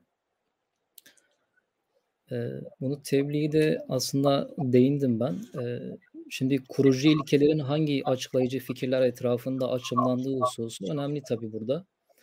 E, sonuçta ibn Sina da Risaletül Arşiyesinde Allah'ın irade, kadir, mülk gibi sıfatlara sahip olduğunu ifade ediyor. Gazali de aynı şekilde ifade ediyor. Ancak e, müelliflerin bir şekilde e, yani düşünürlerin bu kavramlara bir şekilde e, içerdiği anlamlar açısından baktığımızda Gazali açısından Gazali İbn Sina ve Farabi'nin ortaya koyduğu düşünce e, düşüncede aslında bir irade olmadığını ifade edebilir. Çünkü sonuçta Gazali bunu tahsis ve tercih gibi kavramsal bileşenler etrafında açıklamaya çalışıyor. E, dolayısıyla e, Gazali açısından olmayabilir ama biz e, tabii ki bunu tebliğ içerisinde anlatım gibi İbn Sina açısından ilahi muradın kendisi, ilahi ilmin kendisi olarak ve ilahi muradın kendisi olarak e, ele almaya çalıştım. Evet, peki teşekkür ederiz Yusuf Aydın Bey. Ben de küçük bir soru şey yapayım İbrahim Halil Şer Hocam'a.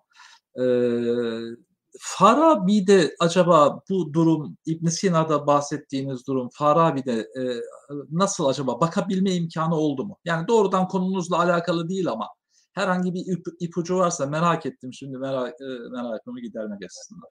Farabi hocam bu konu malum e, yeni eflatunculara atıfla ben e, mevzuyu vazetmeye çalıştım. Amonyus'a atıfla. Porfirius'un da e, Aristoteles ile e, Eflatun'un görüşlerinin uzlaştırılması başlıklı bir risalesi var. Malum Farabi'nin Elcem Beyne Ra'yil Hakimeyni'nin de e, bu risaleyle yakından ilişkisi bulunuyor. Porfirius'un bu risalesinden e, Asklepius'a, Simplicius'a kadar gelen 200 yıllık süreçte yeni Eflatuncular şuna ikna oluyorlar hocam. Aristoteles aslında bizatihi kaim idealar fikrine itiraz etti. Yoksa ilahi ilimde bulunan, ilahi akılda bulunan suretler görüşüne itiraz etmedi. Hatta kendisi de bunu kabul etti. Bu hususta Eflatun Aristotel arasında da bir çelişki bulunmaz. İkisi de ilahi ilimde akli suretlerin bulunduğunu kabul ederler. Bu hususta da idealar teorisini bu şekilde Aristoteles ile Eflatun arasında telif ediyorlar. Ee, sonra Farabi'nin El Cem'ine geldiğimizde aynı şeyin yerleşik formülasyonun telif cem hususunda bu metinde de tekrar edildiğini görüyoruz. Aslında Aristoteles işte bizatihi kaim ideaları reddetti. Oysa işte efendim Eflatun aslında bizatihi kaim ideaları savunmaz. Bu akli suretleri savunur. Birincisi burada biz bu akli suretlere ilahi ilimdeki mütemeyyiz anlamlar olarak işaret edildiğini Farabi'de görüyoruz. İbn Sina'dan farklı olarak. Ama İbn Sina bu hususlarda daha açık ve uyanık görünüyor. Özellikle Esulucia e, malum şerhinde Aristoteles'in De Animas'ına yazdığı şerhte e, e, ennaatlarla alakalı olarak yeni Eflatuncu müdahalelerle ilgili olarak biraz daha zihni açık görünüyor İbn Sina'nın. İkinci bir e, husus şu, e, türsel suretlerin meydana gelişi söz konusu olduğunda İbn Sina'dan farklı olarak Farabi semavi cisimlerin hareketlerinin türsel suretlerin ilkesi olarak ele alınabileceğini işaret ediyor. Bu aslında geriye doğru Afrodisiyas İskender'in yorumu. Afrodisiyaslı İskender dönemin e, efendim e, felsefi bağlamından kaynaklanan meydan okumalar hasebiyle Aristotelesçi kapalı evren telakkisini, ilişkisiz evren tabakaları fikrinin dışına çıkmak ve suretlerin oluşumunu izah etmek istiyor. Malum Aristoteles'te suretlerin varlığı bir sebebe bağlanmıyor. E, maddede bir kuvve halinde ezeli olarak bulunuyorlar. Bu nedenle İskender Teyyas Dunemaos, e, El Kuvvetül İlahiye diye bir şey e, inşa ediyor, terim geliştiriyor. Bunu semavi, ilahi, semavi cisimlerin hareketlerinden kaynaklanarak ayet alemdeki maddeye nüfuz eden ilahi güç diyor ve onu e, suret verici güç olarak e, adlandırıyor. Stoacı etkiler de var burada. Böylece İskender'de ve Aristotelesçilerde semavi cisimlerin hareketlerinin suretlerin kaynağında bulunduğu fikir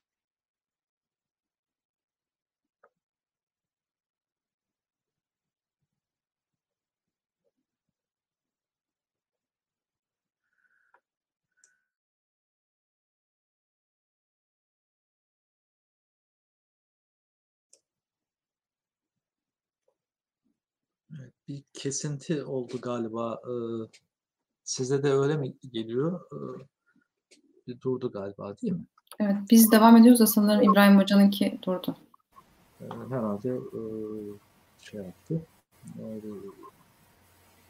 internetinde sorun olmuş olabilir.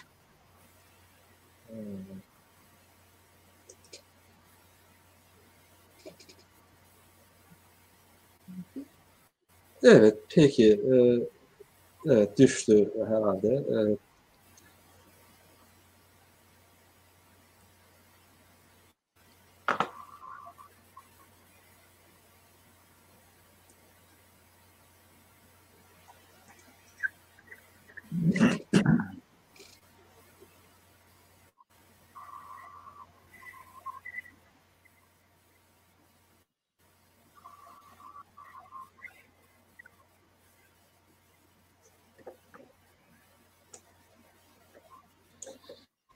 Evet. Ee, peki süremizi de e, zaten e, Hocam çok tamamlamış. derin bir soru, çok derin bir soru sordunuz hocam.